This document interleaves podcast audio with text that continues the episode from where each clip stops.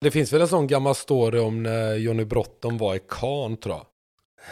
Så hade det varit några ungdomar uppe och tränat med dem så hade han fått någon eh, fråga från en journalist efteråt om den ena killen där då som var någon supertalang tydligen. Så sa han att det bara är någon jävla dribbelnisse som aldrig kommer bli något. Men det, det visade sig att det var Zinedine Zidane.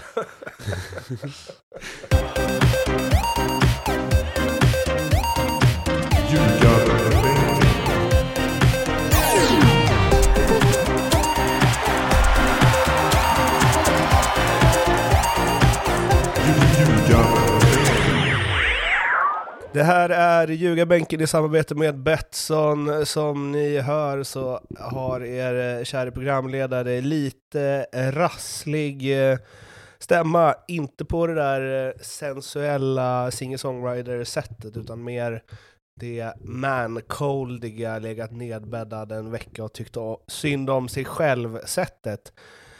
Men skit i det.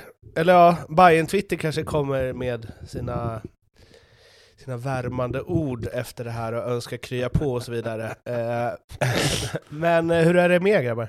Jo tack, det är bra. Jag tror väl att Bayern Twitter nog hoppas att du ska stryka med här under avsnittet för du har lyckats eh, reta upp dem ordentligt. Men ja. med mig är det jättebra. Blåvitt förlorade igår så det är väl mindre bra men annars så tycker jag att det rullar på. Mm. Tobbe? Ja, Eh, ganska bra sammanfattat av Pontus tycker jag. Eh, den största frustrationen har väl gått över. Den gör ju det när man inte spelar själv längre. Men eh, vi kommer väl till det sen tänker jag. Det är det, ju, ju längre säsongen går, desto närmare in på matchslut ska vi spela in. Bara för att få, få med den där största uh, frustrationen, tänker jag. Ja, precis. Det kommer, kommer gynna innehållet i den här podden. ja, eller, eller inte, det beror ju på. vi kanske retar upp fler än Hammarby-Twitter då. Men um, jag ska säga det, var inte hela Hammarby-Twitter, det var ju en liten del av Hammarby-Twitter. Ja, du kan ju försvara med 99 procent. att vi, Hatar dig Mårten, men känn inte så. Du behöver nog inte titta över axeln när du patrullerar gatorna i Stockholm. Bor ju mitt på Södermalm också, så det är kanon. Ja, nej. Uh, Kanske vi kan få ett odds av Andreas sen hur, hur långvarig du blir här på jorden. vi får ta det sen. Uh, vi ska prata om eh, uh, Hammarby-Malmö sen, som ju inte riktigt blev som jag förutspådde, kanske inte heller som Andreas förutspådde. Men innan det ska vi snacka om massa andra lag. Vi måste bara stämma av lite, Tobbe. Hur går det för alla dina lag? Eh, ja, alla mina lag det är ehm, Kungsbacka och det är ja, jo, nej, nej, visst. Det är två lag, det är ett mer än vad det brukar vara. Men, eh, mm. jo, men det går väl ganska bra tycker jag. Kungsbacka City har börjat med två vinster och en förlust. Så att eh, två derbyvinster och sen en, en, förlust i tredje omgången. Så där har det börjat eh, bra, skulle jag säga. Är det många icke-derbyn i de eh, Nja, alltså det är ju många närliggande matcher, men alltså det är ju fyra Kungsbacka-lag då. Eh, så att det, det var två matcher där mot KIF eh, och Lerkil här i början som vanns. Så det var bra. Eh, Hur stort är Kungsbacka? Fyra lag? Ja, i division 4 är det fyra lag. Sen har du två lag i, ett lag i trean, två lag i tvåan och typ två, tre lag i femman, sexan. Ja, det är rätt stort alltså. Kungsbacka är ju större än både Falkenberg och Halmstad, tror jag. Va? Det är väl för fan bara en avfart? Nej, alltså rent... rent Halmstad vågar jag inte säga, det lät fel faktiskt, nu när jag sa det. ja, men, eh, men rent alltså, in, alltså invånarmässigt som räknas till Kungsbacka kommun så tror jag att Kungsbacka har fler invånare än vad Halmstad har. Men jag säger, och jag säger det igen, jag, det låter helt fel, men jag har för mig att vi har kollat detta. Det är definitivt större än eh, Varberg och Falkenberg. Halmstad kanske är fel. Det är nog Varberg och Falkenberg jag tänker på. VM med killgissningar här nu. Lite så, skitsamma. Men, eh, fan vad finns... du hade kunnat röra om i Kungsbacka-fotbollens eh, grytan. Ja. Bara köpa upp alla andra lag, slå ihop det till ett mm. superlag. Eller? Ja, absolut. Om det hade varit så enkelt, visst. Finns det en skiss på det? Nej, det gör det faktiskt inte. Men i alla fall. Eh, Tvååker. Eh, också börjat bra. Eh, tre vinster, en oavgjord, en förlust. Förlorade borta mot Gais tyvärr, vilket var den enda matchen vi absolut inte ville förlora. Men Eh, de är bra. Gais har ju fyra, fyra vinster och en torsk här nu i början av serien. Så det är jämnt. Det är åtta lag inom fyra poäng här nu. Eh, i, från första plats till åttonde plats. Så det är en jämn serie. Det gäller att ta, ta treorna så kommer man långt. Eh, och nu har vi Men- två raka segrar, så det känns bra. Det alla lyssnare undrar är väl kosläppet. Ja, det har ju varit. När hände det? Det var väl i söndags, va? Tror jag. Va, skulle inte du köra live från det? Nej, nej, nej, nej. Det var 3000 föranmälda, så jag tänkte nej, dit, det, där, det hoppade. Sjukt. 3000? Mm. Jävlar. Vad har ni på matcherna? 500 kanske? Det, de gillar, kossorna är lite mer populära än vad spelarna är. Ja, där har du något att jobba på. Ja, absolut. Men vad fan, kossor det är fina, fina djur. Ja, eh, vi ska... Det kanske, kanske var kossor som Degerfors skulle ställt upp med mot eh, Elfsborg. Bra tips Pontus. Ja, nej, det gick inte riktigt som jag tänkte. Eh, och efter att ha sett höjdpunkterna från den matchen så tror jag inte att kossorna hade gjort bort sig i det mittförsvaret. Dra åt helvete, det är nog det sämsta jag har sett. Och då såg jag ändå Sirius dagen innan. Det var det Axén var inne på, att de kunde ställa ut... Hade haft svårare att spela mot koner. Men det kanske är kor snarare som de hade haft svårare att spela Ja, mot. nej, det är nog det. För det här var ju ett haveri som... Man ser sällan sånt faktiskt. Jag såg, Eh, jag såg att Gusten Dahlin twittrade att han tyckte att Degerfors såg lite spännande ut efter premiärförlusten mot men Djurgården. där håller, det Att håller de- jag med Att om. de hade lite stolpe de ut. rätt Ja, verkligen. Alltså verkligen. Men nu ser det ju spännande ut på ett helt annat sätt.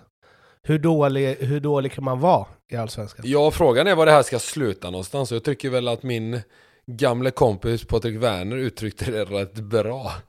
Efter intervjun där när han, eh, sportchefen i Degerfors, eller klubbchefen, han är väl allt, allt liksom.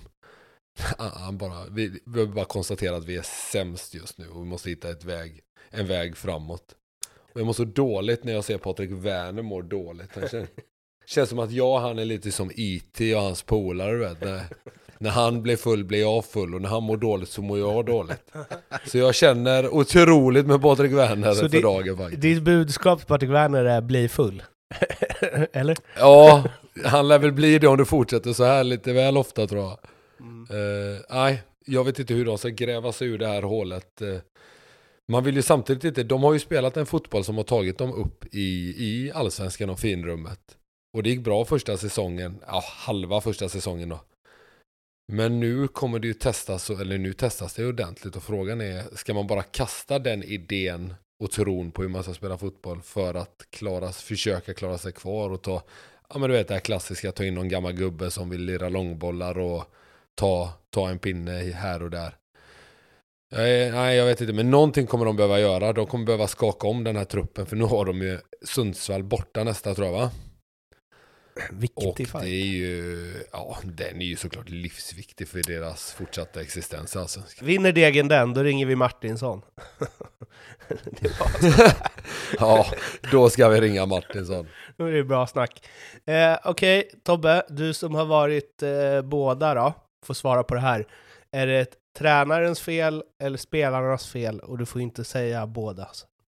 Eh, Oj, nu kan inte Tobbe svara. Ehm, då tycker jag så här, att när det ser så här ut i en match så är det mer spelarnas fel.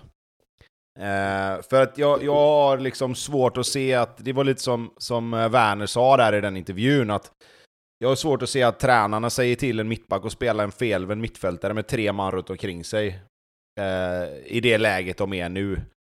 Sen tror jag att eh, spelarna, liksom, jag, jag tror inte spelarna har blivit tillsagda att slå långa bollar ner i, i kanalen eh, första tio, för då hade de ju med allra största säkerhet gjort det.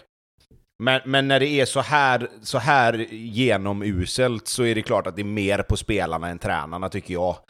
Tränarna lägger ju upp en matchplan som kan vara jättefel visserligen, men, men jag menar det är ändå spelarna som går ut och passar fel färg. Det är spelarna som jagar spöken i straffområdet och det är ju spelarna som ja, som någonstans ändå får ha lite stolthet och, och se till att man, att man liksom håller tätt första 10-15 minuterna. Eh, och det spelar ingen roll vad du har för matchplan. Jag menar, även om, även om tränaren hade sagt till dem att spela en felvänd mittfältare så gör du ju inte det. Du gör ju inte det om du märker att okej, okay, den här passen finns inte. Jag får spela en annan pass och så får tränaren i så fall liksom... Då får han säga till mig, vad gör du? Bara, men den, han var markerad liksom. Eh, så, så i det här fallet så skulle jag säga att det är mer på, trän eller mer på spelarna än tränaren just i den här enskilda matchen. Men det finns, över de här matcherna då, det finns inget att liksom att de uh, tränarna har hållit i det för hårt, liksom att manat på för mycket, sluta inte spela ert spel, bla bla bla, det är viktigt att, alltså så här, till att det blir eh, galenskap, liksom. Att så här, så här ska vi spela. Jo, men jo, det är klart att, det är klart att, alltså, nu, nu fick jag ju inte säga att det var det ena eller det andra. Men, nej, men, nej, det, men, men alltså, det, ja, det är klart att över tid, över tid så är det klart att tränarna måste göra någonting med det här. Tränarna är ju ytterst ansvariga och de, de sätter ju hela träningskulturen, de sätter hela liksom spelidé och matchplan. Så det är klart att de inte är utan skuld, men, men om vi pratar bara Degerfors-Elfsborg så lägger jag det mer på spelarna, för där är det, där är det misstag i både bollbehandling, värderingar och beslut eh, och försvarsspelet framförallt som, som, är, som är genomuselt. Alltså det, de tar så konstiga beslut, både i försvarsspel och i anfallsspel, att, att det går liksom inte att lägga på tränarna. Du brukar ju säga att man, vad du brukar säga? Man kan bara slå dem man möter, eller man kan bara spela mot dem man möter. Det är ju sant, kloka ord, men Elfsborg, alltså var de ens bra? Ja, det var de. Ja. De var bra. Man kan alltså så här, att Degerfors är genomusla är ju också ett resultat av att Elfsborg kör över dem. Det, det, är ju liksom, det, det, är ju alltid, det finns ju alltid två sidor av det där myntet, men det är klart att ett mindre bra lag gör ju inte sex mål på Degerfors ändå, för att de tar inte vara på misstagen på samma sätt. Men alltså, man, man kan väl säga så här att hade Elfsborg fått välja vad Degerfors skulle göra för misstag i den här matchen så är det ju exakt det här de hade valt. De spelar upp på felvända mittfältare, de missar uppspel och så kan Elfsborg kontra. De går bort sig i liksom... De står högt och går bort sig. Och det grövsta när Elfsborg spelar långbollar till och med. Och det är klart att ger du Elfsborgs yttrar och, och, och forwards en hel planhalva att springa på så kommer de ju springa ifrån de flesta försvaren i Allsvenskan, men inte minst Degerfors. Alltså Granat ute på högersidan där, han kunde ju blivit utbytt efter en halvtimme. Att de, att, ja, att de väntade det, till alltså, halvlek. Det, det, det, är ju liksom, dåligt. Det, det, är ju, det är ju hemskt att säga, men, men han, alltså, han var ju inte med i matchen överhuvudtaget. Han, han står och sover på, deras, på, på Simon Olssons mål. Han blir fullständigt bortgjord när Jeppe Ockels kommer löpandes. Eh, det, det, är liksom, och, och, det är klart att när, det, när du får sådana individuella prestationer i ett försvarsspel så, så, så det går ju liksom inte att hämta hem mot ett sånt lag som Elfsborg. När du ligger under med 3-0 efter en kvart, då vet du ju att okej, okay, nu handlar det om att, nu är det damage control här liksom. Nu får, du, nu får vi bara gå in och stänga den här matchen. Och det tycker inte jag att de gör. De gör en bättre andra halvlek, absolut, men det gick fan inte att vara sämre än vad de var i första. Så att... Ja, de, får, de får bryta ihop ordentligt här nu och, och, och sätta sig och rensa luften i, i, i, samlingsrummet här nu och prata ut om allt det här. Och, och, är det någonting som ska upp till ytan så, så måste det komma fram, för så här får det liksom inte se ut någon mer gång. Eh, de tangerar ju också rekordet va, för flest inledande förluster på rad i Allsvenskan med det här. Så det är ju historiskt dåligt, eh, som Kim Bergstrand hade sagt. Men det är ju också... jag vet inte, alltså nu kanske jag eh, liksom eh, pissar på allt vad taktik och allsvenskt försvarsspel heter. Men om man inför en match, oavsett om det är det sämsta laget mot det bästa laget i Allsvenskan, säger till sina gubbar, första kvarten, då är det bara 0-0 som gäller. Håll det bara. Se till att det, de inte gör mål. Då är väl problemet inte det... På, problemet på hemmaplan är att det gör du ju aldrig vilket lag du än möter, för där försöker du någonstans eh, fånga eh, både publikens intresse såklart, men att du har dem i ryggen. Så ja. är det ju alltid en anstormning från vilket lag ja, som är någon hemmaplan nästan. Men om man så gör det. Även Degerfors, de tänker ju att de ska gå ut och mm. och, och mangla eh, Elfsborg här direkt såklart. Jo. När, när matchen startar, för de har hemmaplansfördelen och det där. Men så slutar det med att det står 0-2, 0-3 efter en kvart. Liksom, mm. så det... Men om man hade sagt så, då är inte det så svårt, eller hur? Hålla nollan första kvarten.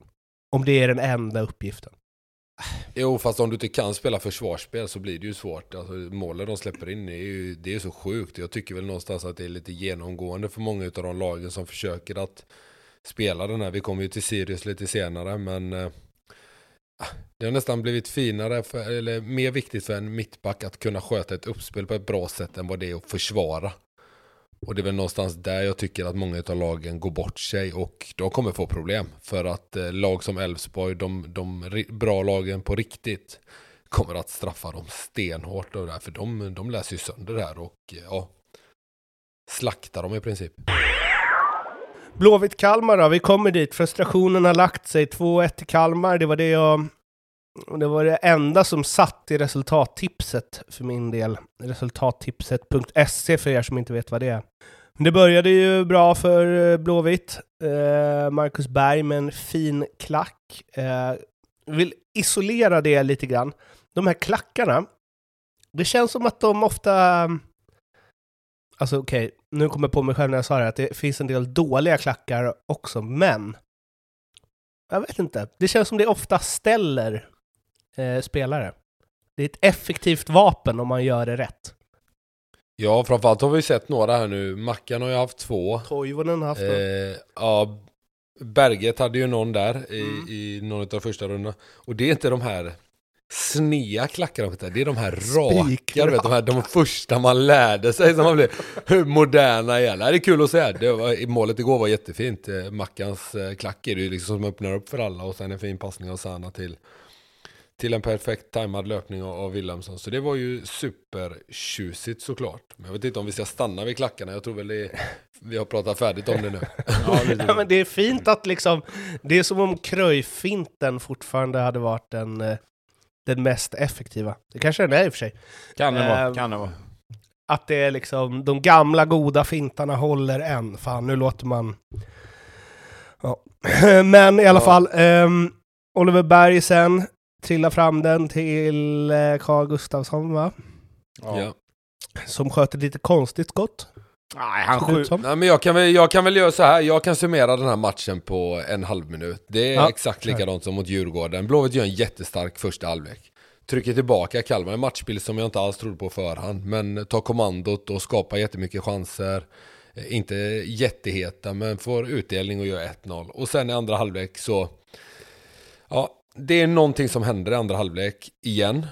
Och eh, nästan direkt kan man säga så sitter man och väntar. Nu kommer de få utdelning här snart och då får ju Carl Gustafsson den bollen och skjuter.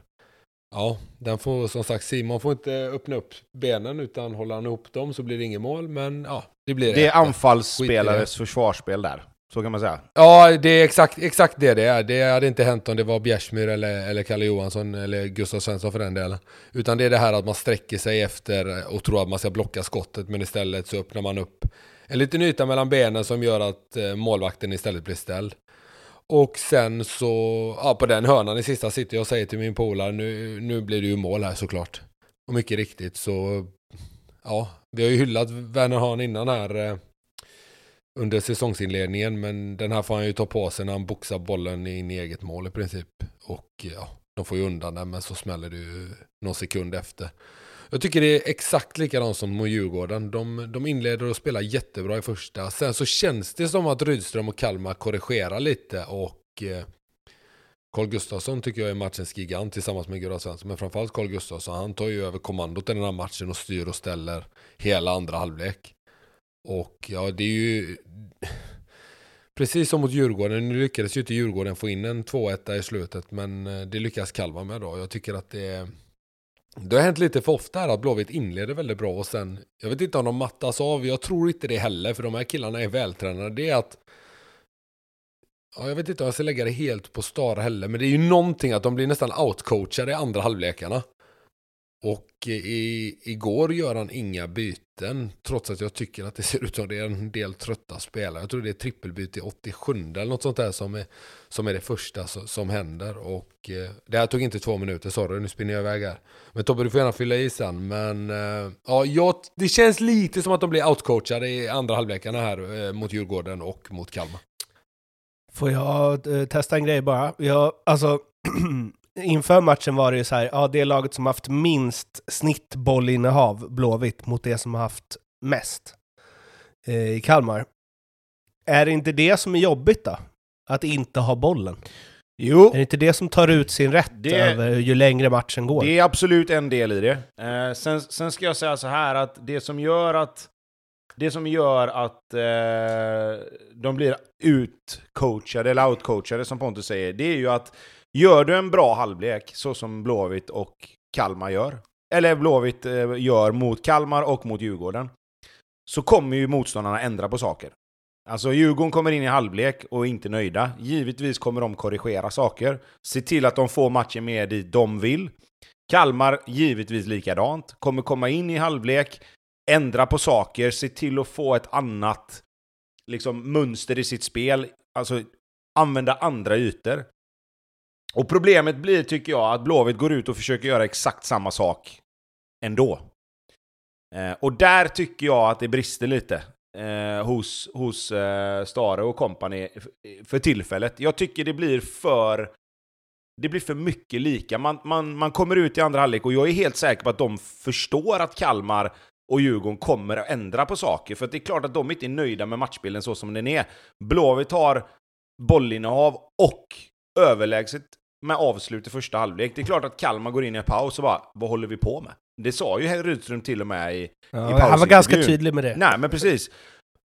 Men grejen blir också så här att när man då märker, sen kommer första målet kommer ju olyckligt då för Carl Gustafsson där, för att har man, har man med sig 1-0 lite längre så, kan, så, så kommer Kalmar också bli lite mer desperata, de kommer behöva trycka fram lite mer folk och då kan du kontra och så vidare och så vidare. Men det jag tycker är problemet här är att i de här matcherna så man ser att Blåvitt blir trötta. Det, det, de kanske inte blir så trötta att de missar i markeringar eller att de inte tar löpen eller att de hamnar fel i försvarsspelet. Men de får inte tag i bollen. De får inte tag i bollen, de får inte fast bollen så som vi pratade om mot Malmö. Det blir, man har extremt hög puls när man springer och jagar och jagar och jagar och jagar. Och till slut så kommer det att bli en matchbild som inte är bra. Det, det, blir liksom att man kan ligga och försvara i 70 minuter, absolut. Men till slut måste du få in friska ben och fräscha ben på plan som orkar att hålla i bollen när du väl får den. För det blir problemet i den här matchen igen. Du, du, samma sak igen. Hosam Aiesh gör det jättebra. Tobias Sanas första halvlek är helt okej. Okay. Men sen när de börjar bli trötta, det blir lite, lite fuskande någon meter i position, vilket gör att när de väl får bollen sen, så är de närmare Kalmarspelarna. Kalmarspelarna har bollen, de kan ligga och vila med sin försvarslinje och trycka upp. Det måste göras byten för att få in fräscha spelare. Och då är det så här för mig då, som tränare är det ju, nu har man ju börjat komma in i det tänket lite grann. Det finns ju olika alternativ. Antingen byter du inte för att du tycker att matchbilden ser okej okay ut och du tycker att du har kontroll. Det tycker inte jag att Blåvitt hade igår, så det tycker jag att man kan räkna bort. Nummer två är, vad kan de spelarna på bänken göra som är bättre än de vi har på plan? Alltså blir det bättre av att sätta in till exempel eh, Gustav Norlin istället för Oskar Willemsson? Blir det bättre av att sätta in Alamari och ta ut eh, Simon Tern? Då tycker man antagligen, nej det blir det inte. Och då väljer man att ha kvar dem. Men sen kommer ju den tredje och då är det, behöver vi göra någonting? Alltså, behöver någonting hända? För att matchbilden är på väg någonstans där vi inte riktigt har kontroll, vi är inte riktigt nöjda. Och där tycker jag att svaret är ja, någonting behöver hända, och det behöver hända tidigare. Sen kan det bli, lika väl som det nu blir, att man sitter och sågar då Stare som många gör för att han aldrig bytte. Likaväl kan det bli att om han sätter in tre spelare i 70 och så släpper de in ett mål, då blir det så här, Åh, vad fan satte han in dem för? Det är, så, det är så det funkar.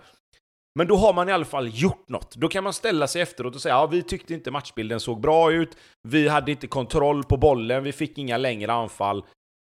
Därför valde vi att plocka in tre spelare. Vi tyckte att de här tre spelarna började se trötta ut. Fine. Och för mig så ligger det på att det är klart att de mattas. Det är som du säger Mårten, har man inte bollen så får man springa utav helvete. Och får man göra det för mycket i andra halvlek så blir det, då blir det, till slut så kommer det hända saker. Och det blev exakt så igen. Och det blev så mot Djurgården också, men Djurgården kunde inte ta vara på det på samma sätt. Sen, sen är det ett misstag som gör att det blir, själva målet blir till. Så, så just, det, just det är ju liksom... Det, det är ju synd, men, men matchbilden var sån att till slut så kommer någonting hända. Um, Sen är det här är ju en vägskärsmatch lite som jag sa i uppsnacket eh, som vi hade på Twitter innan. Nu är det ju helt, nu börjar det ju knorras direkt ute ja. på vårt kära Twitter. Eh, i Dit är det inte långt alltså. Till ja, knorret. nej men det är ju det. Ligger det. Där alltså, den här matchen. Ja, men nu helt plötsligt så har man en poäng på tre matcher. Mm. Och man ska åka och möta AIK borta som man har historiskt svårt mot och en förlust där, ja då kommer det ju börja brinna igen nu. Nyss var det ju SM-guld, nästan. Ja, nej men det svänger snabbt och som sagt, då var det ju de lite enklare motstånden i början när man gjorde jobbet och eh, man ska inte skämmas över sin första halvlek här hemma mot, eh, mot Kalmar. Man kanske skulle till och med haft in en boll till. Eh, så man verkligen hade behövt en liten buffert där, men eh, ja. Nu kommer det börja knorras igen och man märker Twitter är inte nöjda, framförallt med bytena, de uteblivna bytena och eh, ja, jag är väl redo att hålla med dem den här gången. Sitter inte Star i någon sån här podd och snackar efter matcherna?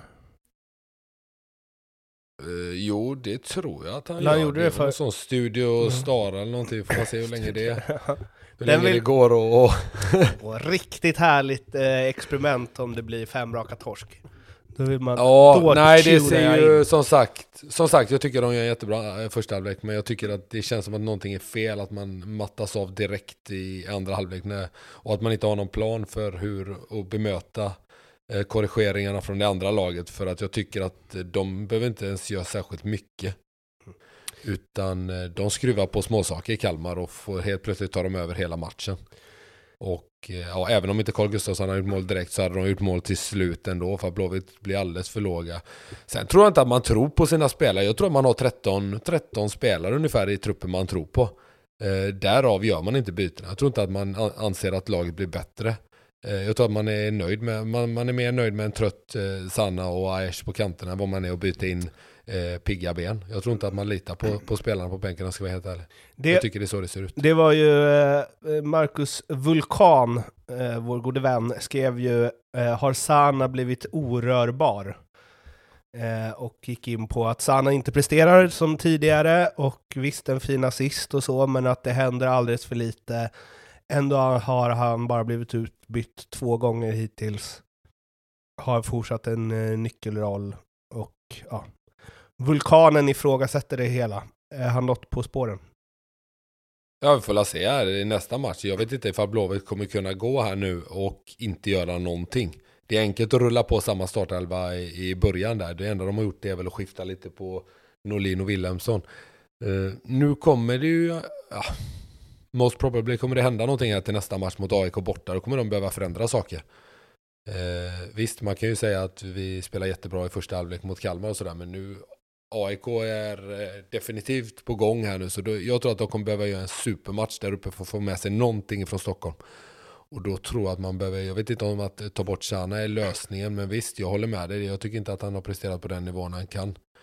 Uh, nu gör han en assist, så det, det är väl alltid något liksom att, att ta med sig. Men vi får se här uh, vad Stare väljer att göra. Men jag tror att det kommer bli förändringar för att uh, det vore fel om det inte blev det nu. För att nu har man gått de har skjutit blankt här i tre matcher i rad i princip. Har gjort några bra halvlekar här och där, men det finns inte så mycket annat att ta med sig. Några poäng är det ju inte att ta med sig i frågan liksom. Så, ja.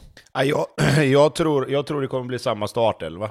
Uh, jag, jag, eller tror, jag, jag tänker att man kanske ändå tänker att första halvlek var så pass bra att när spelarna är fräscha så, så, är, de, så är de bra liksom.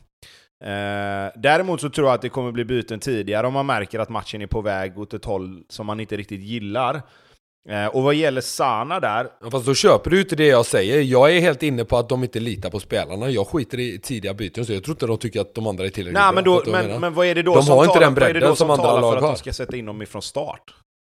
Nej, jag tror bara att de, de gör någon liten, liten, liten eh, korrigering, någon liten ändring i starten. Ja, nej, jag, Sen tror inte jag, alltså de har 13 gubbar som de går runt på, de skiter där, håll- det håller jag med dig om. De kommer inte nej, att men få det, spela. ja, det resonemanget... De har ju ingen bredd eh, som de andra lagen har. Det är ju inte Elfsborg eller Djurgården så, eller AIK för den delen som kastar runt spelare och det kommer in den ena efter den andra.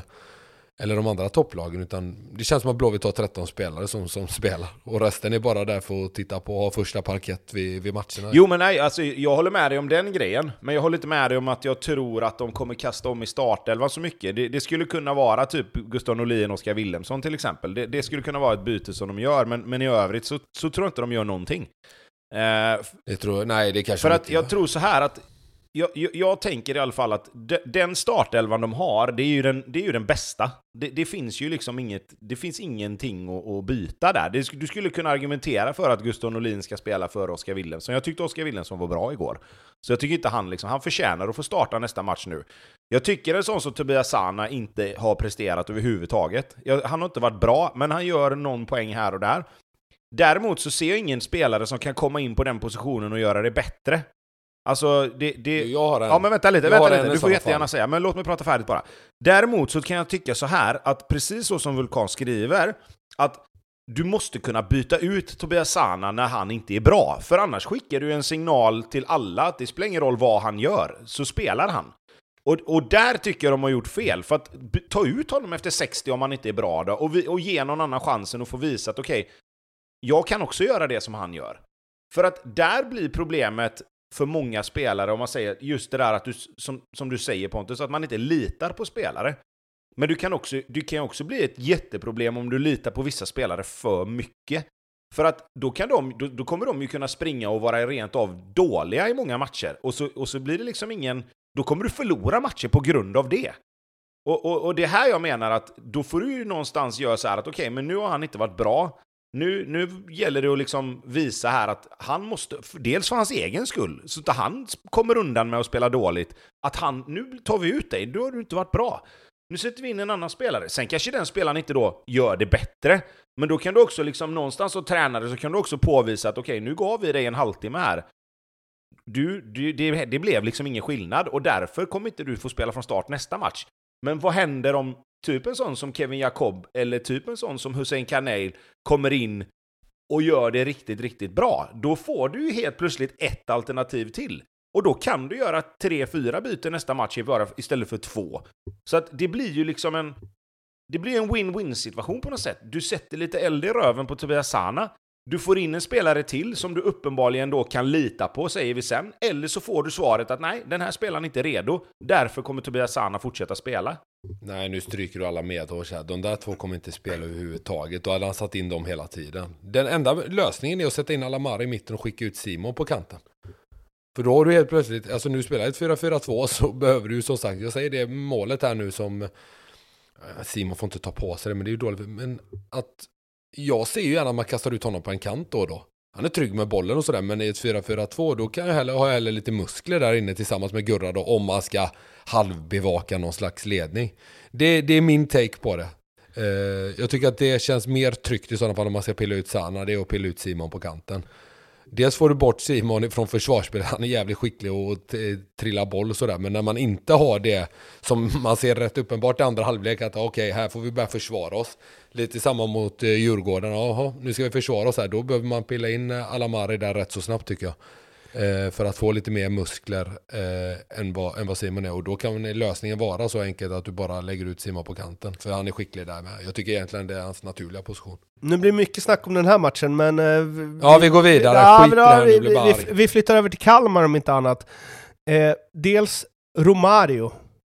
Mål i trettonde raka allsvenska säsongen. Det är fan eh, mäktigt. En målsvit som inte upprepats sedan 1971.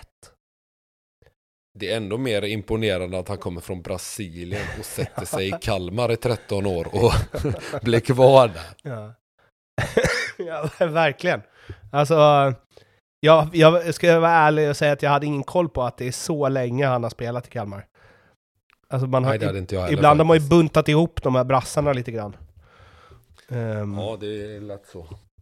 Men eh, hur som helst, eh, mäktigt eh, facit. Det är fan 51 51-årig svit. Hoppas han håller i. Eh, sen så tänkte jag på, som Rydström snackade i eh, halvtid, det är ju väldigt befriande. Man gillar ju den typen av intervjuer, jag gör det i alla fall. Och så då tänker jag när det har ryktats om honom till AIK och till MFF och så vidare. Tror ni att han hade kunnat ha den där stilen i en annan klubb? För han, han är ju... Han står ju där och är typ lite rolig när laget har ja, varit Det är ju dåligt. hela hans varumärke och hela hans personlighet är ju så. Så jag har svårt att tro att han skulle vara på något annat sätt. Däremot så kommer vi väl kanske inte se honom i de, i de andra klubbarna i och med att det var någon familjesituation som tvingade hem honom till Kalmar. Vilket är synd tycker jag, för det är en sjukt skicklig tränare. Mm. Men kan man köra det tugget även i MFF? Ja, men alltså skulle det vara någon av de här större klubbarna som tar honom så får man väl hela paketet, tänker jag. Eller då, då vet du ju att det är så här det kommer bli. Alltså, det, det får man väl köpa då. Alltså. Och det vill man väl ha, tänker jag också, om, om man skulle anställa honom. Jo, det är väl det som jag menar på att det kanske är det han faller på. Att han är så jävla Det tror jag fri. inte. Jag tror att alla klubbar i hela Sverige hade velat ha honom om de hade kunnat få honom. Mm. Eh, sista grej kring det här, det har egentligen inget med matchen att göra, men det är ju sällan en scout i Allsvenskan blir så uppmärksammad som Stig Torbjörnsen har blivit när han lämnar IFK Norrköping för IFK Göteborg. Eh, riktig going alltså. Ser ut som ett eh, troll. Och eh, liksom...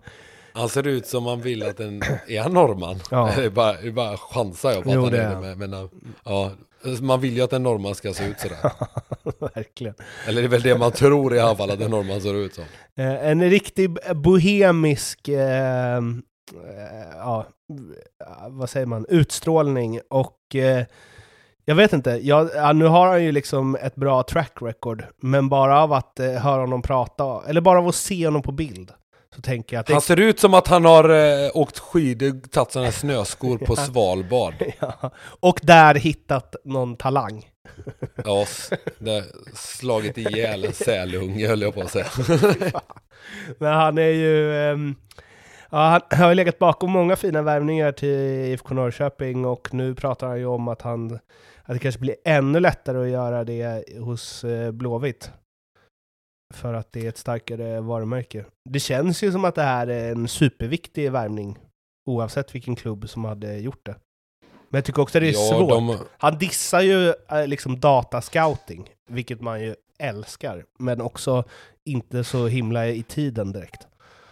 Nej, och Blåvitt har ju gått bort sig på sina värvningar eh, och det grövsta de senaste åren. Så det är väl bara att hoppas att eh, Stig kan komma in och, och förbättra dem på den biten. För det är klart att det är ju bland det viktigaste du gör i en organisation är ju dina rekryteringar.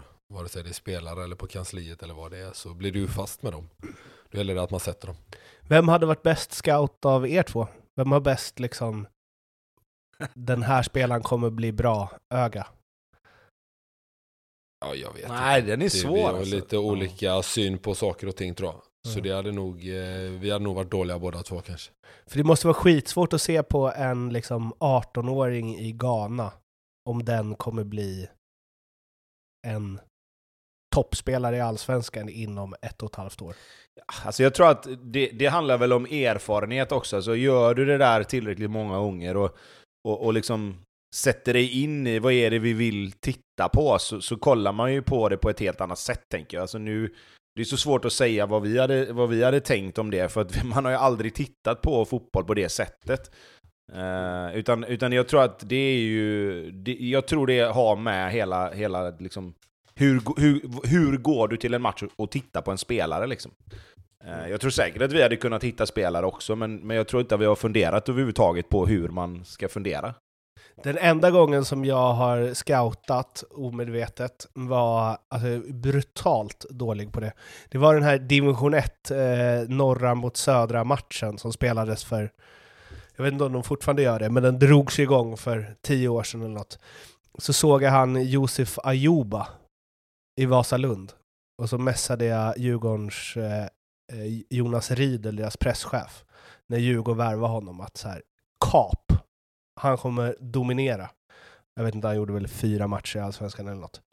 Eh, och då förstod jag att ah, det är bara för att man är jättebra i en All-star-match, division 1, betyder inte det att man är superbra i Allsvenskan. Man får hoppas att... Det finns väl en sån gammal, det finns väl en sån gammal story om när Johnny Brottom var i Caen tror jag.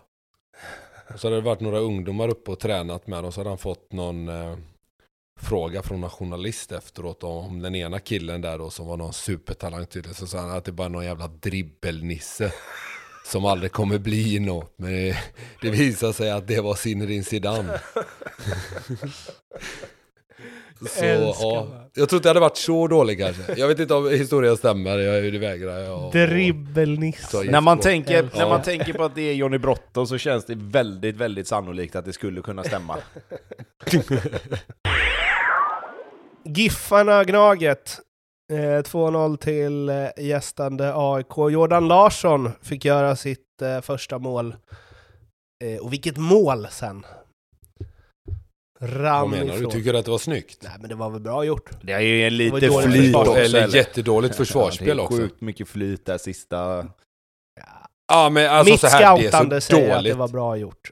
Nej men det är för, jä för jä alltså på riktigt, den glidtacklingen, det är något så här halvhjärtat lägga sig ner och visst, det behövde Jordan Larsson för han gör ju det jättebra så jag ska inte ta, ta ifrån honom någonting. Försvarsspelet är horribelt, däremot så är AIK på riktigt här nu. Nu har de ju trummat igång ordentligt och de sätter ju tonen i den här matchen ja, redan från start och dominerar ju i 90 minuter. Så den här var, nej, det var en riktig så visa musklerna match för AIK. Mm, Tobbe, fyll i. Ja, jag, jag håller med Pontus. Eh, AIKs första halvlek är ju eh, riktigt, riktigt bra. Eh, det är ju lite som att vi pratar om, jag säger inte att de är lika överlägsna som Malmö var mot Blåvitt, men det är ju ett under att det står 0-0. Eh, de har ju några riktigt vassa chanser. Framförallt gör ju han Gustav Molin här som har kommit in i, i Sundsvalls mål gör ju en kandidat till, till årets räddning. Om vi pratade om Samuel Brolin förra veckan så har vi en kandidat till här på, på uh, Joe Mendes eh, hockeystyrning här på Stefanellis skott. Uh, där han får upp armen och, och liksom på liksom hockeyplockmaner plockar bort pucken liksom. Eller bollen såklart. Uh, pucken. Men sen, sen är det ju återigen då, det, då, då, är vi där. Sundsvall har med sig 0-0 in i paus efter en sån halvlek där de kanske liksom skulle ha legat under. Eh, man kommer ut i andra halvlek och så tar det en minut och så rinner Jordan Larsson igenom, eh, som Pontus säger, glidtackling, mittback som typ Fan, ställ dig i vägen! Eh, och så är det 1-0 och så är det ridå liksom. Eh, då vet man ju att då, då, då lägger sig AIK på försvar, de kommer att kontrollera matchen med bollinnehav, de kommer ligga där och, och, och känna sig trygga. Eh, och sen får eh, Nabil Bawi göra mål, lite turligt med en styrning då, men, men fortfarande, och så är det 2-0 och så är det mm, game over liksom. Och och hyschar Johan Martinsson på... Ja, eller hur? Alltså, jag, jag, vi, vi, kan väl ta det. Alltså, det, blev ju, det blev ju en liten grej av det efteråt där. Johan var inte helt nöjd och tyckte att liksom varför ska man hyscha Sundsvall liksom? Men vad, vad, säger vi? Alltså, är det rätt av typ en spelare AIK? Man får hyscha vem man vill när man gör mål. Då säger vi så. Då skiter vi i det. Då behöver vi inte ta, ta mer om det. Eh, nej men som... Det är som, alltid rätt att Däremot så... Ja, alltid. Nej men precis. Men det var, som, det, det var som någon skrev liksom, det börjar bli så här lite urvattnat och hyscha liksom både spelare och publik liksom. Det gör man ju när det är något speciellt som har hänt. Men, men ja, vi skiter i det. Nej fan, det gjorde jag när vi mötte Romelanda när jag var tio bast mot deras föräldrar. jo, men sen, Nej, vi, man får hyscha, vi, vi ska också komma ihåg att din mentala planet här som vi pratade om förra året, eller förra veckan, den är ju inte riktigt på samma ställe. Det, solarna står inte riktigt rätt till där.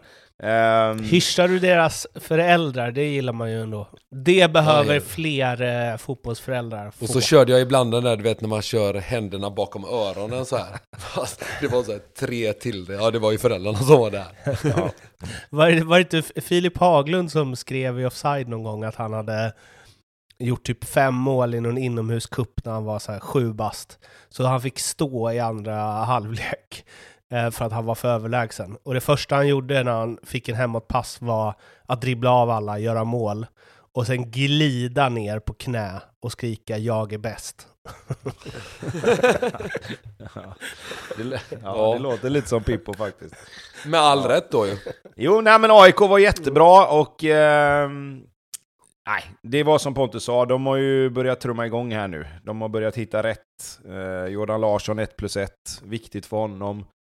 Eh, tror att det kan bli så att AIK hakar på här uppe mot toppen nu och verkligen, eh, och verkligen blandar sig i det här på riktigt nu. Nu är de fyra.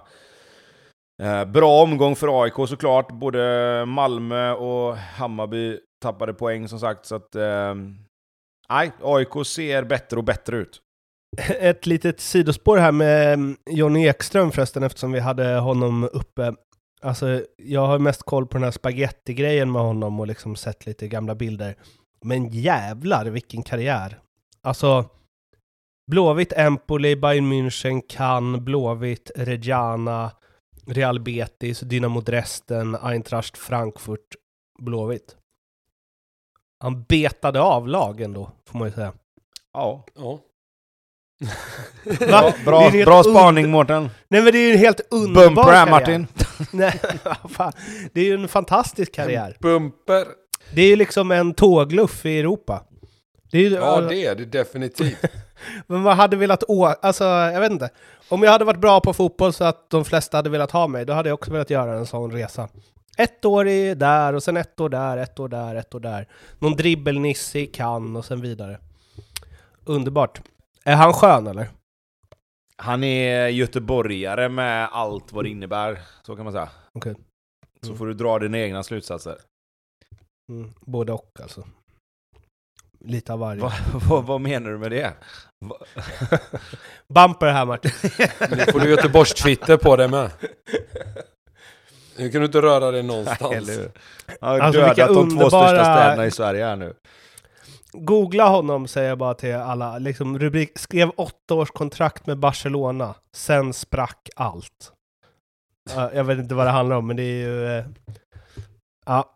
Googla John Ekström, njut. Framförallt kan du åka med Stig till Svalbard. För det är ungefär, du kommer väl göra dem förbannade på Twitter snart med. ja. Nu har det blivit dags att ringa Andreas på Betsson för att prata lite specialspel och det de flesta väntat på förstås, Bayerns prestation mot eh, MFF.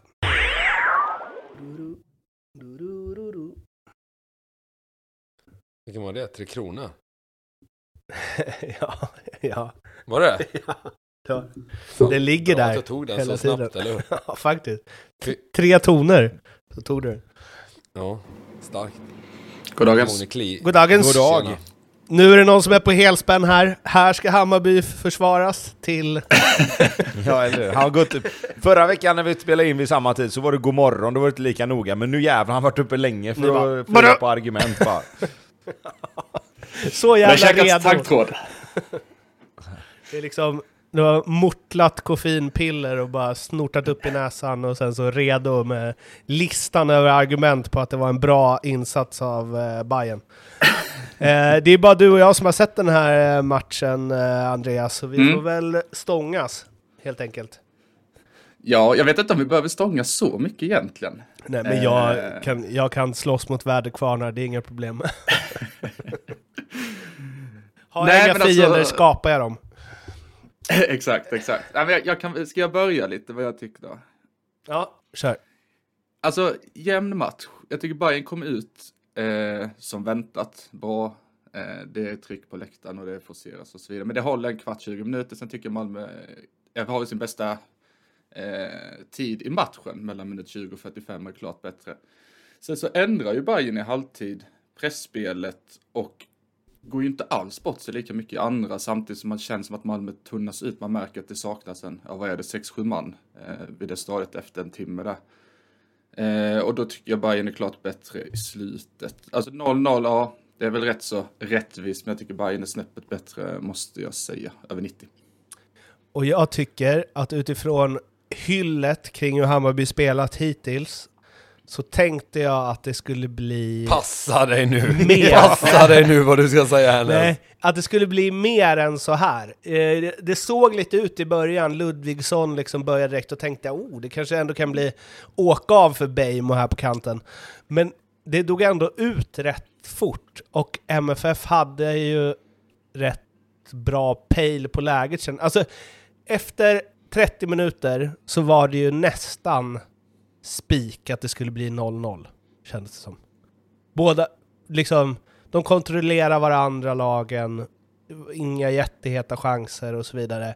Och utifrån, som sagt, bayern hyllet hittills, och lite det jag skojar med det om sist, så Mm. tycker jag att, eller jag hade förväntat mig då att Hammarby ska vara bättre mot ett MFF som från start saknar sina två bästa spelare i Kiese och Christiansen och sen så blir jag av med berget direkt. För jag tycker inte att MFF, liksom det laget de har sista halvtimmarna så, det är ju... Ja, där borde Bayern kunnat gasa på mer, tycker jag. Jag tycker inte alls att de... Eh, eh, ja, jag hade förväntat mig mer. Om de nu har varit liksom... Eh, Eller, eh, alltså det är bara så här... Degerfors och Sirius är pissdåliga. Det var därför det såg så otroligt bra ut där. Och nu Ah, var det alltså- första riktiga testet. Och det är så... Jag hade väl också förväntat mig lite mer om jag ska vara ärlig och speciellt som du säger sista halvtimmen eh, med det laget Malmö har på banan. Men sen, sen kommer det ju aldrig ta ifrån att de prestationerna vi har gjort, de fem är ju väldigt bra och speciellt den mot Sirius, för Sirius var inte så dåliga där, Degerfors var inte så dåliga mot oss. Sen så var de ju katastrof mot Elfsborg, men de fem prestationerna kommer alltid vara bra oavsett hur den här matchen såg ut. Det, det, Word. kommer, liksom, det går ju aldrig att snacka bort. Nej. Nej men det är väl lite som så här, man kan, alltså Elfsborgs prestation mot Degerfors var ju också bra. Bara att Degerfors Ja, ja, var visst. svindåliga. Och det är väl om man... Eh, nej men så här då. Om man nu ska vara med och slåss om det så är det ju mer här än mot ett Degerfors som har tangerat sämsta starten någonsin i Allsvenskan som jag drar mina slutsatser om huruvida man är bra eller inte. Absolut. Så är det ju. Och jag, Eh, Och jag tyckte nog att Hammarby hade ett bra läge mot ett skadeskjutet MFF igår att visa att de har tagit det ett par steg till. Och jag tycker inte de gjorde det.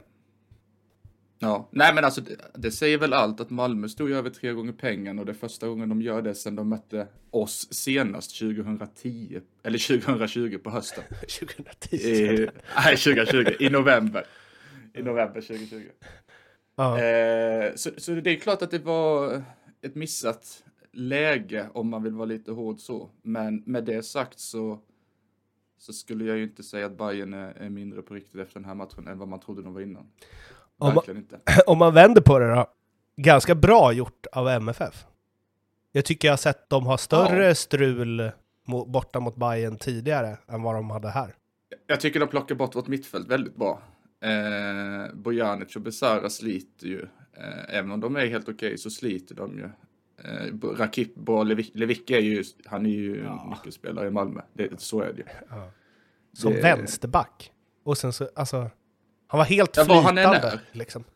Ja, äh, vä- väldigt bra. Eh, samtidigt som vi har vår motsvarighet i Sadiku som, som jag då tycker är matchens klart bästa spelare. Tycker jag är riktigt, riktigt bra. Verkligen vuxit. Alltså efter den här lilla bjudningen i Sundsvall så var det verkligen som att ja, nu, nu vänder vi på det här och sen så har han varit hur bra som helst. Det var, Jättevärvning. det var väl mer att eh, Bayerns offensiva spel, alltså Besara var ju, han var väl okej.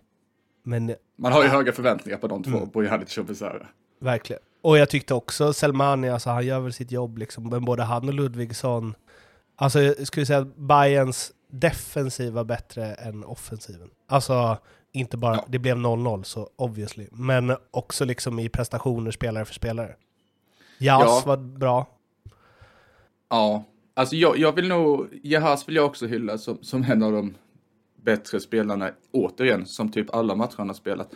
Däremot så är det lite, alltså så här, Viljot gör vad han kan, eh, blir lite ensam emellanåt. Jag tycker Ludvigsson blir lite ensam och jag börjar bli lite, lite orolig för Selmani. Men alltså man, det funkar ju så länge laget vinner och han gör ju sitt liksom, men någon gång så behöver vi också någon som gör målen där uppe. Eh, förr eller senare kommer det behövas. Jag vet Är inte, svaret på den frågan Steve, eller? Ja, kanske, kanske. Nu får vi väl se när han är med här om det blir något innan sommaruppehållet eller inte. Det råder väl delade meningar om det. Och det är väl ingen som vet egentligen, de säger att de tar det dag för dag. Men det kan ju absolut vara svaret. Eh, för det, jag menar, man kan ju bara ha en forward som inte gör mål i en viss tid. Sen måste man ju, står man inför ett vägskäl även om han är en av våra bästa försvarare och sätter försvaret längst upp tillsammans med Ludvigsson. Men jag tyckte det, för det imponerade och, från MFF hos mig, alltså ja, nu kanske man inte ska jämföra liksom, med tanke på vad det är för olika truppbudgetar och så vidare, men Lasse Nilsen och Dennis eh, Hadzikadunic är ju något annat än Degerfors och Sirius backlinje. Ja, det är ju sparka in en öppen dörr. Nej, men alltså de plockar ju faktiskt bort Alltså Viljot flera gånger, alltså Nilsen slog ju honom rätt lätt i man-man dueller och ja. Ludvigsson hade väl också rätt kämpigt där. Alltså de är väl, Lasse Nilsson är ju... Fan jag tyckte han var dålig för ett par år sedan. Men nu är han ju, han torskar ju knappt en närkamp alltså. Jag har en fråga till dig här nu ändå, om vi kan stanna vid Astrid lite innan vi går vidare där. Mm. Hur många matcher kommer han ha på sig? Håller han på, jag har en liten take på det där. Håller han på att bli lite som Bobby Firmino som alla Liverpoolare har försvarat genom alla år att han är så nyttig för laget. Och, Även och Jürgen Klopp för man, försvarar väl honom i och för sig. Ja, nej men just för att man, man har ingen annan. Och sen nu när de faktiskt har tagit bort honom, då ser de ju ännu bättre ut än vad de redan var. Är du med vad jag menar lite? Mm. Att eh, han behöver börja göra mål. Annars så kommer man att söka någon som gör det och då kommer man liksom inte kunna försvara sig med att han är så extremt bra i försvar. Jag tycker att han har varit riktigt bra inledningsvis. Jag tycker bara att han skjuter blankt och haft lite otur med stolpar och ribbor och allt vad det där är. Ja, det är väl tre eller fyra i virket. Men alltså jag tror inte det är svårare än så att när, när poängen slutar trilla in liksom och det inte är fem raka längre, då, då kommer det börja knorra. Så är det ju alltid. Då ja, man, precis. Men jag tänker så, så här, säg att han här Steve skulle vara ja, nästan en liability i försvarsspelet, men, men göra mål. Jag tror ändå att någonstans att Hammarby hellre tar det alltså. Det tror jag också. Det tror jag också. Alltså, det är ju, det är ju rätt skönt om man kan slänga in en Selman i minut 60 som bara kör 30 minuter fullt, fullt ös där framme. Det är ju också någonting. Det kanske är så han kommer börja göra mål. Ja, kanske. Men det är klart att eh, jag vet inte, det är inte jättemånga matcher. Om, om Steve börjar bli redo lite så, så är inte jag helt säker på att Selmani startar om fyra matcher om han fortfarande inte hittat nätet. Men, men Andreas... Men är han inte väldigt omtyckt då? Alltså... Jo, jo, det är klart han är det. Ja. Fast det är ju ingen social verksamhet Nej, nej, men jag menar att man ändå... Att snäll. Nej, nej, men alltså jag menar inte det, att han... Att, uh, ja, uppskatt, alltså att man uppskattar honom verkligen för det han bidrar med liksom. Jo, men det är klart det är, klart det är så liksom. Jag menar, om, om din, din på förhand bästa forward inte gjort mål och ditt lag har gjort 13. Så det är klart att någon kommer till slut fråga, aha, och sen har vi kanske en av våra dyraste värvningar någonsin på väg tillbaka i Steve då. Då är det klart att det kommer ju bli ett läge där man måste välja. Mm. Han är jävla monster eller? Ja, alltså, jag har inte, som alla andra har man väl bara sett YouTube-klippet och det var ju väldigt professionellt klippt. Mm. Om vi säger De så. brukar vara men, det. Eh, men jag har aldrig hört Bayern snacka upp ett, ett nyförvärv så mycket på förhand. Inte, Någonsin. inte ens eh, Popovic och company. Det, det, var, det var nästan före min tid, så jag vet inte riktigt vad det stod på officiella då, om det ens fanns en officiella. Men, eh, men Steve är ju ruggigt uppsnackad. Men jag tänkte så här, eh, nu har inte jag sett alla Hammarbys matcher i, i 90 minuter, men vad jag förstår det så är ju Selmani, han har ju spelat nia mycket, eller hur? Och så har. Ludvigsson mm. gått på en kant. Det går inte att byta på de två då. Ja, alltså Selmani trivs ju rätt bra. Han driver ju ofta sig själv i löpningar ut mot sidorna för att komma lite in från vänster. Alltså han går ju gärna i det här spåret.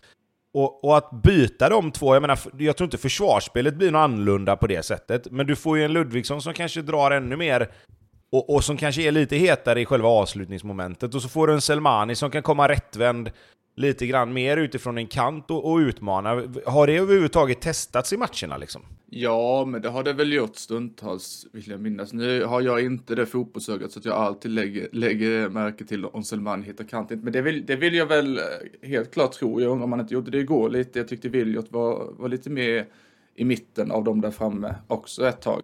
Mm. Men, men sen vet jag inte om, liksom, om, det, om det löser någonting. Det kanske det gör, det vet ju ni bättre än mig. Men det känns som att han kommer, liksom, han kommer lite fel hela tiden så fort bollen är på väg in i boxen. Det är ett steg ifrån där det sitter liksom inte den här, den här tajmingen. Den är, jag tycker det, inte den det, är där. det är nog snarare det där tror jag. Det är nog en självförtroende-grej. För jag tycker som så här, jag har ju sett de flesta matcherna.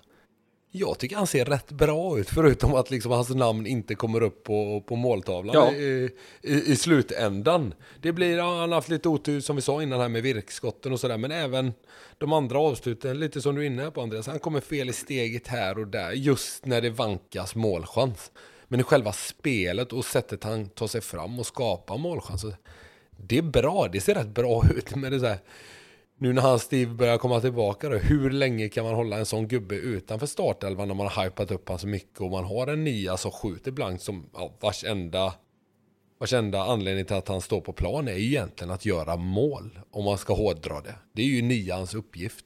Alltid, i vilket lag det än är. Och gör han inte det, ja, då kommer du behöva bra, vara så bra som Selman är i spelet och i försvarsspelet. Men ja, har du då en spelare bakom som de har hypat upp till skyarna och lagt mycket pengar på så kommer han ju att få börja spela till slut. Fan, videojuggarna är större i mitt huvud än på internet. Googlade lite här, det är inte supermånga träffar. Men de gjorde bara tre versus en match innan de bröt kontrakten. Det är väl preskriberat. Videojuggarna. Men en sak jag tänker på matchen igår som var väldigt konstig, som jag fortfarande så här 14 timmar efter fortfarande inte begriper, är att de spelade med Fenger på bänken och, och stoppade in Magyar. Det var ju vad jag som jag förstod ingen som fattade det. Det är också någonting jag tycker Bayern tappade rejält första timmen innan Fenger blev inbytt. Att man blockar Kurtulus uppspelsfot och så ska Magyar stå där. Och, alltså, det är en av de sämre fötterna i allsvenskan. Det är två vänsterfötter om ens det.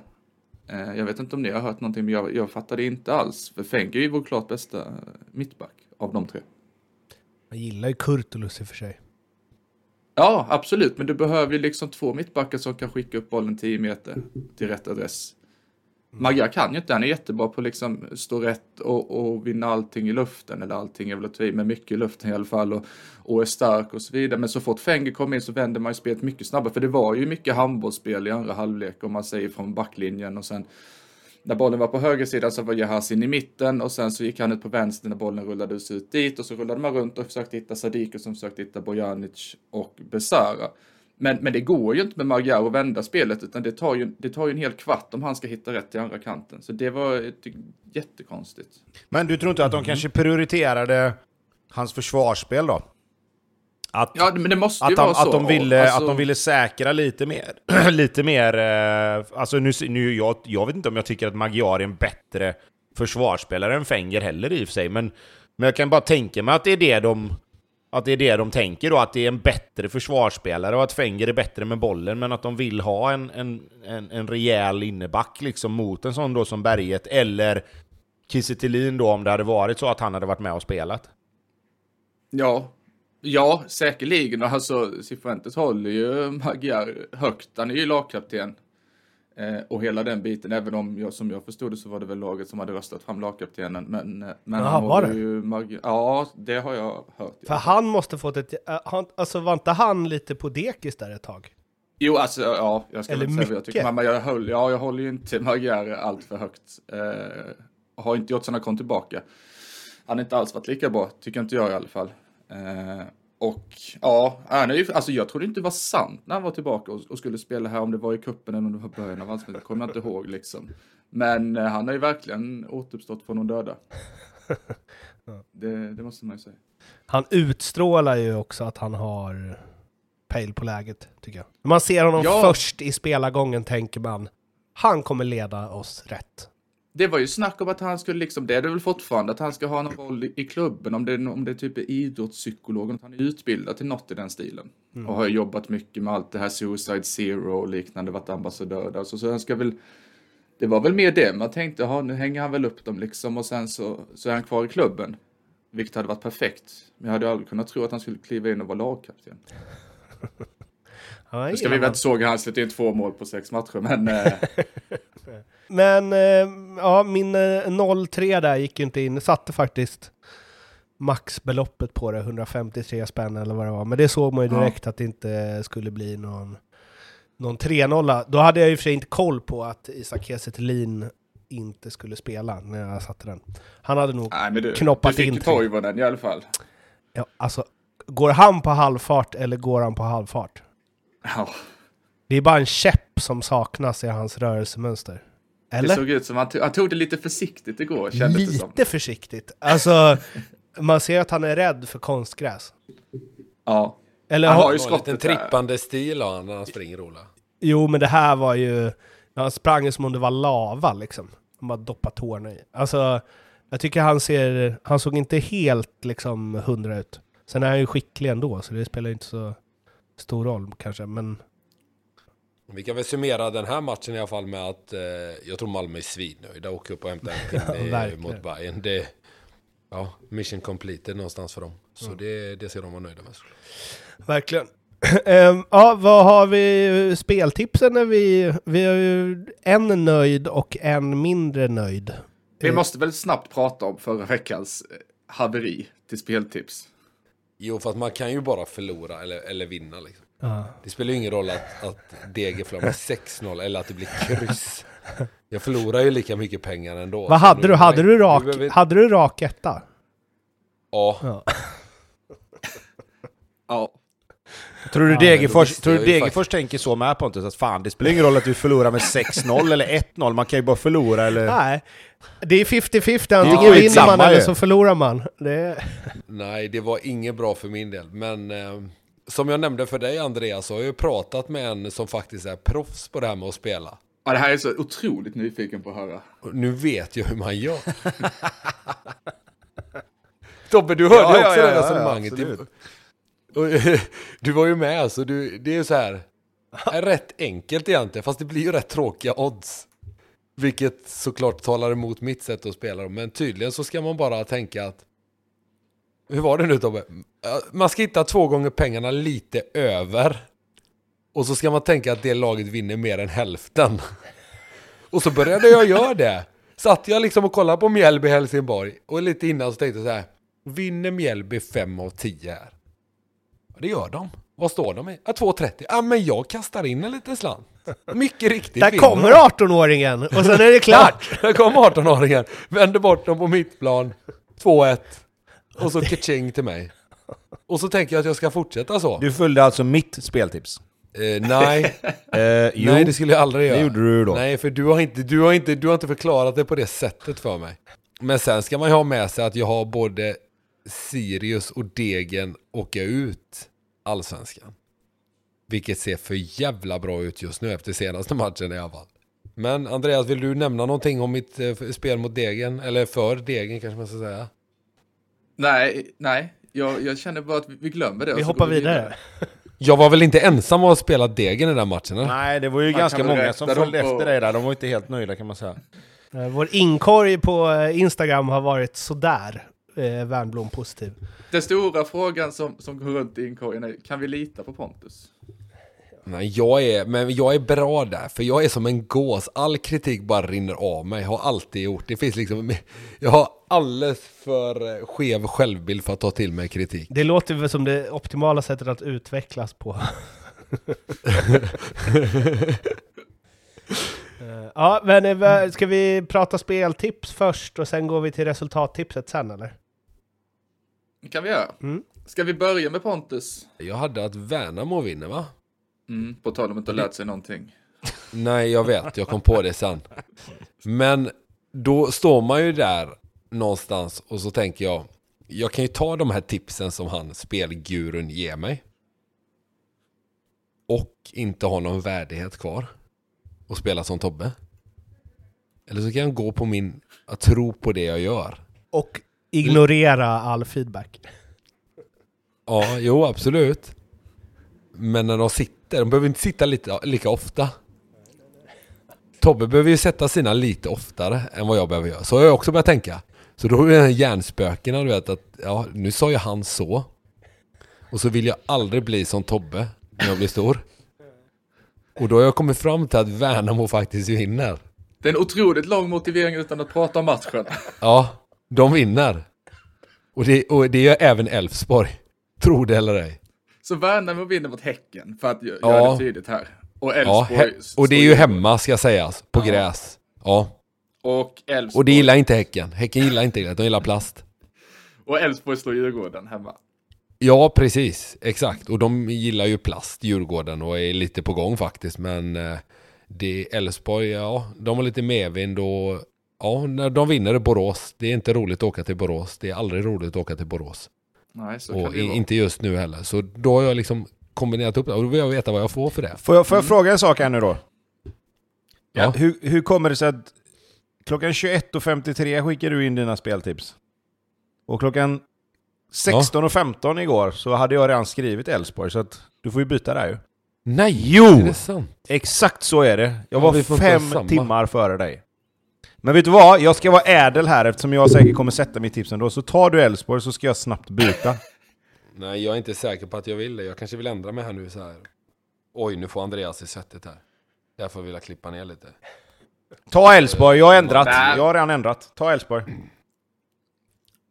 Men Ja, det okej, blir ju så det. här då gubbar, att det blir ju, vi, vi kan ju inte ta bort någonting utan vi lägger ju till i så fall. för Ja, exakt. lite Nej, jag, vill inte, jag vill ha Elfsborg.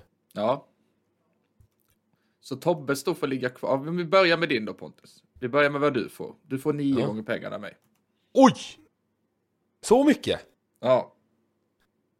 Fan, det du pratar så länge om det så jag har glömt vad du sa. Ja, att Värnamo vinner och Elfsborg vinner. Så, jag tar den. Nio gånger pengarna. Och som sagt, jag behöver ju bara ha rätt en gång på nio för att jag ska ge pengarna tillbaka. Så Men det jag börjar ju komma kommer. upp till nio snart du. Nej, men jag har jag inte haft rätt en enda gång. Nej. Hur många gånger har vi spelat in? Ja, det är väl omgång, vad har vi nu, omgång sju va? Okej, så då har jag typ två på mig. Och så kan man ju tänka att det kanske är någon som inte har ryggat hela tiden. Så då, ja, men det blir bra. Det är jag själv som går största bettet, för jag spelar ju faktiskt själv på mina egna, så det är jag som torskar. Så är det. Men man vill vara med när man vinner, eller hur? FOMON. FOMON är stark. Ja, Tobbe, vad har vi på det? Vi har ju en hos dig redan. Ja, men då kör vi på den om du vill det. Det, vi- ja, det var ju att jag hade samma som... eh, Det är inga problem för mig. nej, då, då problem. kör vi. Jag har ju också Elfsborg då. Att de slår Djurgården här. Mm. Eh, jag tror att de... eh, de är i bättre form. Även om Djurgården slog Sirius så fick Djurgården ganska mycket hjälp tycker jag. Eh, de kommer inte få den hjälpen av Elfsborg på samma sätt. Eh, så jag tror Elfsborg vinner. Och sen tror jag att Norrköping slår Helsingborg borta. Norrköping börjar få ordning på sakerna här nu och ser lite mer eh, stabila ut. Vilket är mer än man kan säga om Helsingborg tyvärr. Så att eh, Norrköping slår Helsingborg borta. Eh, då hittar vi den till fem gånger pengarna. Uff, det var högt. Fan, det känns inte bra. Va? Det känns inte bra. Det, det ska ligga Vad runt sa fyra där för att jag ska du? känna mig säker med den. Men ja, Sa du fem gånger pengarna på att Norrköping... Och Elfsborg vinner. Är du säker på Två, det? två, nöj ja, två nöjda, det låter ju kul. vi kan väl bara vi- slänga in också att, att till skillnad från Pontus då, så har jag ju satt tre av mina tips. Vad, är det, vad är det totalt då? då? Är det fem av 200? Eller något sånt. Det är tre av sex den här säsongen. Man är aldrig... Det är ingen Nora Strandberg här nu, nio poäng på nio matcher, och så räknar man med halva förra året. Man är så aldrig jobbar vi sämre inte. sin senaste säsong. Exakt, vi Precis. har gjort våran research här på försäsongen nu i, eh, i, i huvudet på heisen här, den lilla extra dokumentären som går på Netflix där. På, på tal om det då, eh, nöjda och eh, att man aldrig är sämre än senaste omgången. Resultattipset.se 90 plats. Pontus Wernblom, 22 poäng. Va? Hur kan jag vara det? 80 plats. Andreas, 22 poäng. S- s- 64 plats. Tobbe, 24 poäng. Och så får man scrolla så in i helvete upp till 19 plats. Mårten Bergman, 29 poäng. Satte 7 av 8 matcher i första. Vänta nu lite, Jag vänta, wow, wow, wow, wow, wow. Satte sju av åtta matcher. Alltså rätt resultat. Hade du rätt resultat på sju av åtta matcher? Nej, han hade rätt match. Ja men alltså... ja, det är väl en jävla skillnad eller? Ja men rätt! 1, kryss 2. Ja, men just det. resultat. Va- Var det, vad hette det? Ett kryss? Det var stryktipset vi körde, eller var det resultat? Nej, det var resultat ja. Hur många resultat hade du rätt? Nej, men i alla fall, den jag missade då var ju när jag ändå sveptes med i Pontus eh, Degerfors vurm och satte 2-2 på Degen Elfsborg. Ja, men jag vill att vi stannar vid en sak här nu. Andreas, var låg du? Ni skrattar åt mig att jag låg så jävla dåligt till, men du går ju i tippning. Alltså, jag, jag sa, vi hade ju en Twitter Spaces eh, session igår kväll, på, eller igår, kväll, igår eftermiddag på Twitter. Ja. På Djurgårdsbänkens Twitter. Då sa jag ju så här, om det är någonting det blir ikväll så är det ju 1-1 i Blåvitt Kalmar. Ja. Så Okej. kollar jag på Bayern och så kommer plinget 87 Romario och så ser jag highlightsen. Och då undrar jag ju vad, vad hade Blåvitts slips spelat resultattipset? Hade han 1-2? ja han Eller hade antagligen spelat var det 1-2. Ja, nej, det var, det var en, en klassisk boxning åt fel håll. Alltså, alltså om han bara hade hållit sig i skinnet så hade jag ju varit där uppe också. Men jag förstår ju nu varför Mårten för första gången var så jävla sugen på att ta resultattipset för att han hade hittat lite rätt för en gångs skull. Ja, men jag blev faktiskt, jag kollade det nu. Jag trodde att jag hade skitdåligt, men ja. Jag är Ja, men det är imponerande. hack i häl på ledaren som ju gamla trestegskungen Christian Olsson. 33 poäng. Så ja, jagar på där. Vi påminner väl om att det är en ny omgång som börjar redan på torsdag, va? Mm. Det är inte för sent att komma ifatt, så mycket kan man väl säga. Nej, verkligen inte. Eh, vad tror ni Mathisen hade... Hade han tippat 100-0 till Djurgården? Jag tror han hade, jag tror han hade, jag tror han hade mål efter 90 minuten typ.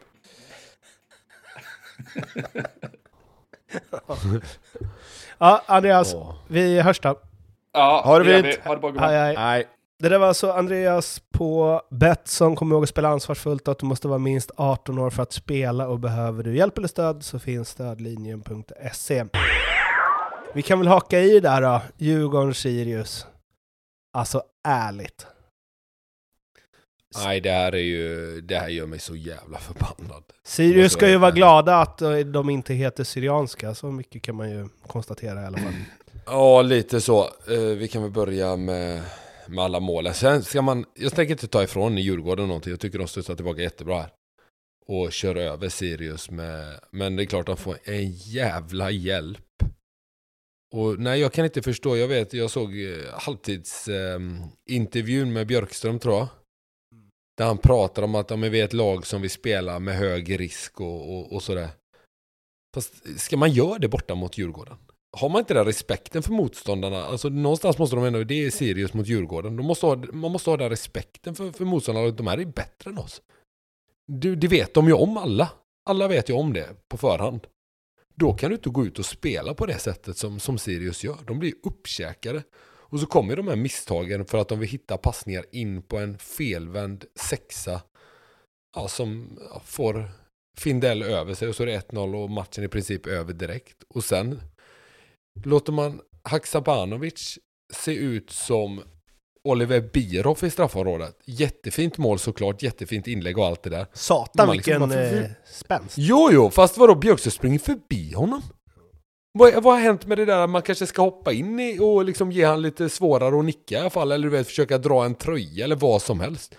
Jag tycker det har försvunnit lite det här med att man ska förhindra det andra laget att göra mål i sitt eget straffområde till varje pris. Han liksom nästan, han, han Skalman in med huvudet framför och så bara låter han, och Haksabanovic, ja, han tar ju såklart vara på det här.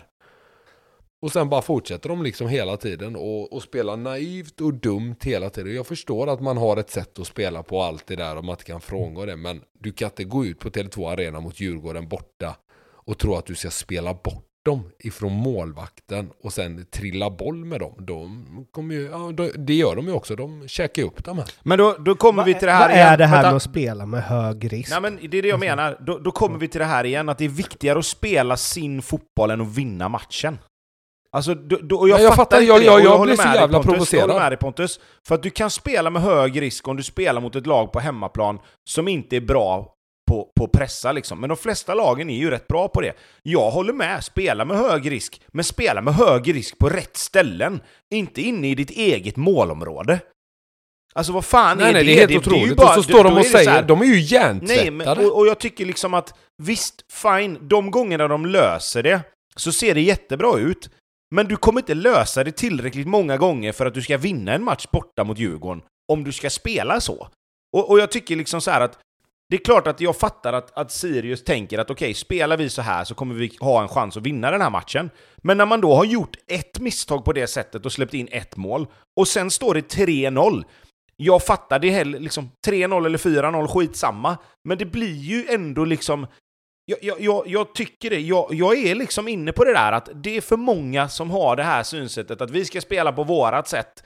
Och den här liksom filosofiska ådran i att ja, men vårat sätt att spela, vi ska göra på vårat sätt. Det går liksom över i, i, i vansinne ibland.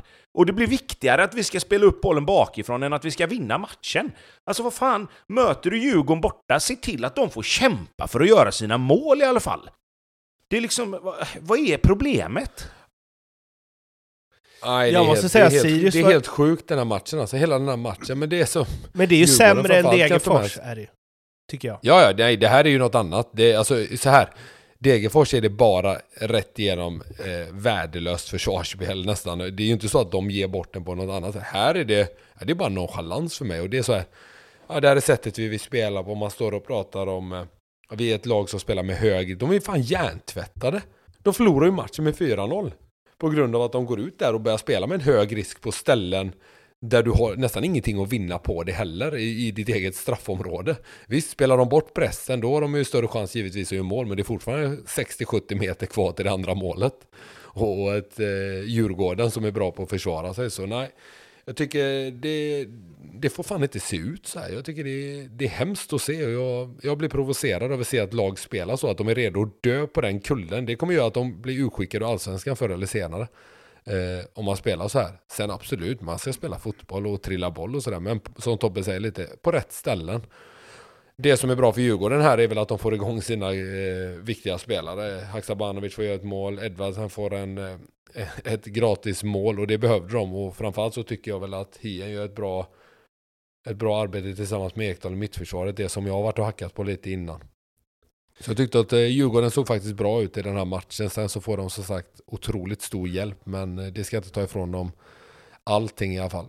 Nej, men för mig blir det lite så, alltså det var väl lite det jag var inne på med Hammarby också förra avsnittet, att här, det säger mig ingenting att Djurgården vinner, alltså om Djurgårdens prestation, att de vinner med 4-0. Det är liksom, jag har inte sett så dåligt eh, försvar, eller liksom spel i eget straffområde. Alltså, så spelar man inte ens när man var 14 liksom. Alltså... Nej men det, det säger, det är som du säger, det säger ingenting. Men man får igång, man får lite sköna poäng på de killarna man vill ha som mm. kanske har varit lite ifrågasatta så här i inledningen. Vilket jag tror, sen gör även Elias Andersson en jättebra match. När han får komma in och spela från start. Så jag tycker att de, eh, de behövde den här matchen. Framförallt behövde de här eh, grabbarna få göra lite poäng här. Och som sagt, Får man de bjudningarna är det väl bara tacka och ta emot också. Vi hoppar vidare till eh, Norrköping-Värnamo då. Eh, Norrköpings första hemmaseger. Levi knorrar in en frispark. Eh, Totte Nyman fick göra mål också efter ett jävla fint anfall. Eh, och Norling vandrade upp i klacken och firade efter 2-0 mot Värnamo. ah, ärligt. Ja, man ska fira när man är glad. Ja, absolut. Man vet inte hur länge det varar. 100%.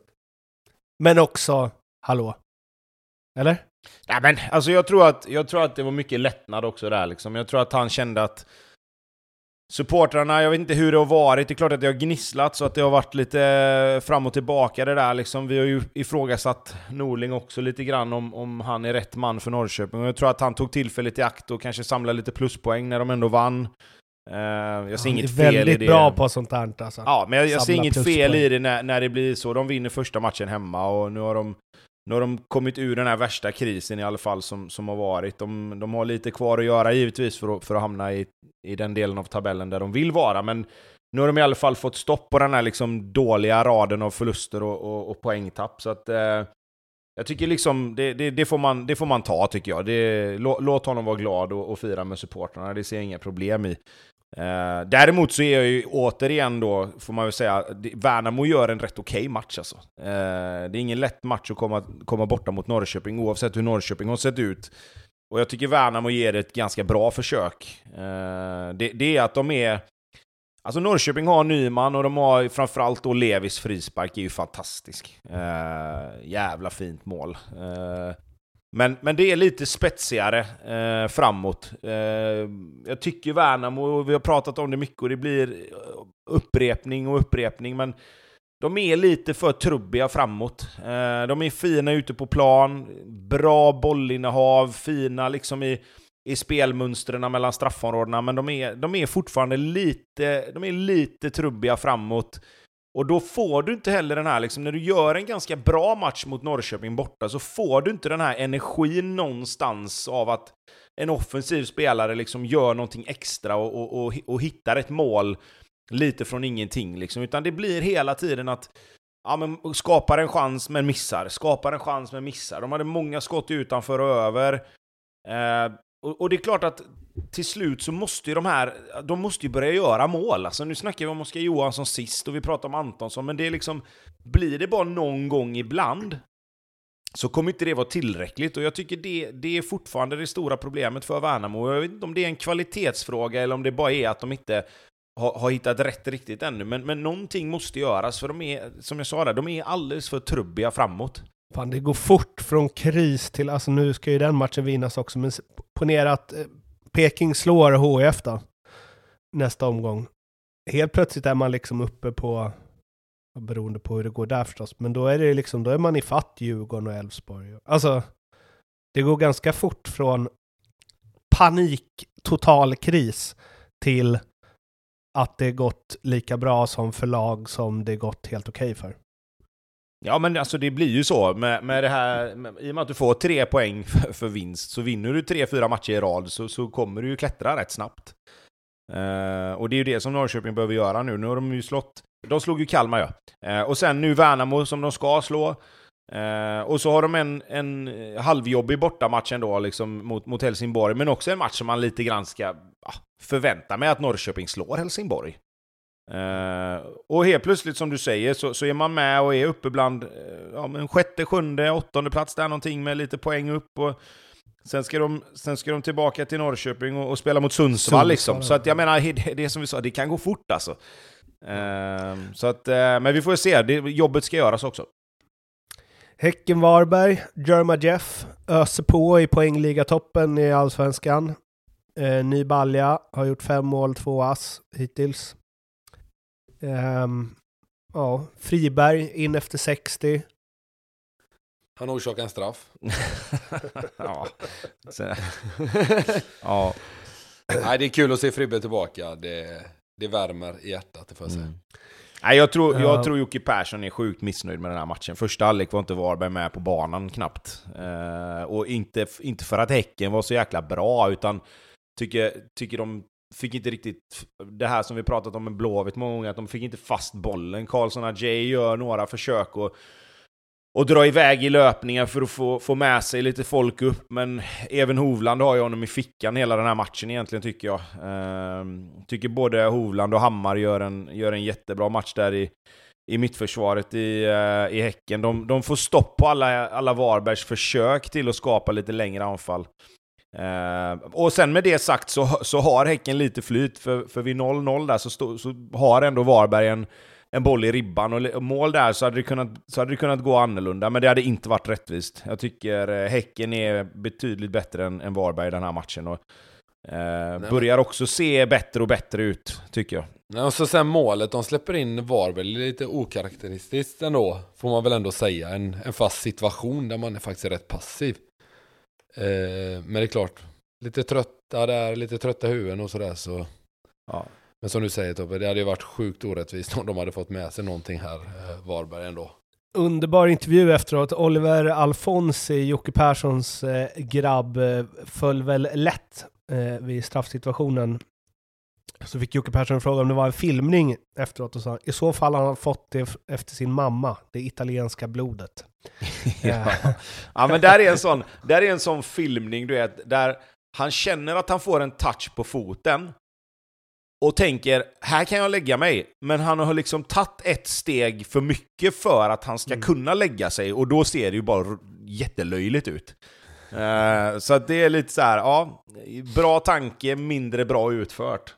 Uh, sen så uh, Fin intervju med Jocke Persson alltså. Han säger stort grattis till Häcken som levererar en fantastisk fotbollsmatch. Jag stod nästan och njöt, tänkte jag säga. Vi gjorde vad vi kunde, men här var vi inte med. Vi fick stora åkbandet idag. Älskar Jocke Persson. Vilken jävla profil. Ja. ja, men han måste känna, det måste vara lite, han måste vara lite frustrerad ändå, för vi har ändå hyllat Jocke Persson som en tränare som kan liksom se vad som behöver göras och vilka spelare som ska in. Men mot just Häcken så har ju Varberg haft problem alltså. Och de har inte riktigt hittat rätt där än och hur de ska ta sig an Häcken. Och det tror jag stör han lite ändå. Mjällby-Helsingborg då, sista matchen. Vi var inne på ett eh, snyggt 2-1 mål. Som också är Och vi är lite... tillbaka på det här med bedrövligt försvarsspel Ja, också. i 82 Då kan man väl inte riktigt agera sådär va? Nej. Nej, det är jättemärkligt försvarsspel. det- kommer inte Jugge Lennartsson att vara nöjd med. När de går igenom den matchen i efterhand. Jag kan, jag kan tycka också, För- men jag kan tycka också att deras vänsterback blir det väl. Han är ju också helt ute och cykla. Han är liksom 20-30 meter ifrån sin mittback. Han, liksom, det blir ju en duell där en mot en och att han vänder bort honom Ja, må det, du kan ju hänt, förlora en liksom. duell, visst. Men han har ju noll understöd. Nej, precis. Inte, inte så enkelt kanske, men visst, jag förstår vad du menar. Att du behöver ju ha ett understöd där såklart, eftersom att det har man alltid när man lämnar kvar folk på, på mittlinjen. Du ser ju alltid till att du är övertal. Men då kan du inte stå ett övertal och 40 meter därifrån, precis som du säger Tobbe. Men första problemet är ju att han blir bortvänd givetvis, så enkelt och på det sättet. Jättebra gjort av uh, eh, vår 18-åriga vän.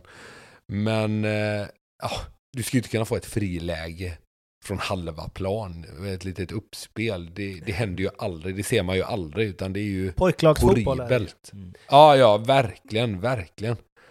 Jag gillar Eh, hans om- steg dock. Alltså, Ja, ja, jag är det. Alltså det är jättebra gjort utav eh, Nwanko här nu. bara älgar iväg. Ja, nej, nej, det är hur fint mål som helst. Vi tar inte bort något från honom överhuvudtaget, för att det är hans, aktionen är ju 5 plus, men eh, försvarsspelet är 5 minus. Så jävla dåligt är det. Jag tycker vi har sett rätt många sådana aktioner i, i den här omgången framförallt, där det är så här, vad håller de på med försvaret? Men alltså Mjällby, tvåa i serien, 13 pinnar på sex matcher. Ja, den här matchen tycker jag de har lite flyt. Jag tycker inte att de är det klart bättre laget överhuvudtaget. Utan eh, jag tycker de har lite flyt eh, den här matchen. Men visst, de tar sina poäng och verkligen imponerat. De ligger ändå två i allsvenskan så det är väl dumt att, klanka ner på dem. Utan de har ju skaffat sig en fin liten buffert där inför framtiden. För jag tror inte att det kommer hålla. Nej, vad skulle in på det? Är det... Har de överpresterat nu i början eller har de något? Är de, är de på riktigt, som man brukar säga? De har varit bra, men de har fått med sig också maximalt eh, maximal utdelning har de väl fått, kan vi väl säga. Håller du med Tobbe? Ja, men det får man väl ändå säga. Eh, de har ju imponerat på så sätt att de har varit väldigt stabila. Eh, svåra att, eh, att tas med. Alltså jag tror att det är... Vissa lag kan ju, kan ju liksom överprestera på, på att vara skickliga med bollen och, och liksom sådär. Jag tror att Mjällbys... Det som gör att Mjällby kommer fortsätta ta en massa poäng, det är att de är jävligt svåra att möta. Eh, de har liksom, de har spelare både, både försvarsmässigt och offensivt som, som hela tiden kommer ställa till problem för, för motståndarna, vilket gör att det kommer bli en otroligt jobbig match att möta Mjällby. Framförallt nere i, i, i Blekinge liksom. Eh, sen tror jag som Pontus att jag tror inte det håller sett över en hel säsong, men, men att de kan komma bra mycket högre än vad vi hade förväntat oss, det, det tror jag nog. Det är också att, alltså, så här, viktigt med en bra start, gamla klassikern, men här känns det väldigt viktigt. Det är ju asgött att få lite lugn direkt. Ja, och framförallt, ja, men framförallt med en ny tränare liksom. Eh, och framförallt kanske då en tränare som vi lite grann har varit inne på inte riktigt har bevisat någonting ännu på egen hand liksom. Han gjorde det bra tidigt i sin karriär, men sen har det ju gått lite upp och ner och, och, och nu då så fick han Mjällby här, Brännström, och nu, nu ser det ju faktiskt jävligt bra ut. Så att det, det är kul, alltså man vill ju att det ska gå bra för, för de här nya tränarna som kommer fram, för att det är ändå så på något sätt så är det ju ändå nästa, om man säger generation tränare då, som kommer vara med ett tag här nu. Och det är klart att man vill att de ska få en bra start i sin karriär. Och jag tycker att nu har han bevisat att han kan göra, att han kan göra saker med, med om vi ska säga då, ett relativt begränsat material. Så att jag tycker, det, jag tycker Mjällby har gjort det sjukt bra hittills. Det var alldeles för den här eh, eh veckans eh, ljugarbänken. Eh, på fredag, det är ju en match eh, på torsdag, Djurgården-Helsingborg, men på fredag så snackar vi upp nästa fulla hela omgång på Twitter Spaces. Så moderna är vi. Så håll utkik på eh, eh sociala kanaler, ljugarbänken, både på Twitter och Instagram, så kan ni in där och höra när vi pratar inför eh, eh omgången som eh, går av stapeln med AIK Blåvitt klockan 15.00 på lördag. Eh, sen så hörs vi med ett ordinarie Ljugarbänken-avsnitt eh, tisdagen efter att omgången är slutspelad. Tills dess, missa inte resultattipset.se, följ oss och prenumerera på podden så blir vi superglada. Sköt om er, ha det bra, hej! Ha det fint! Hej då!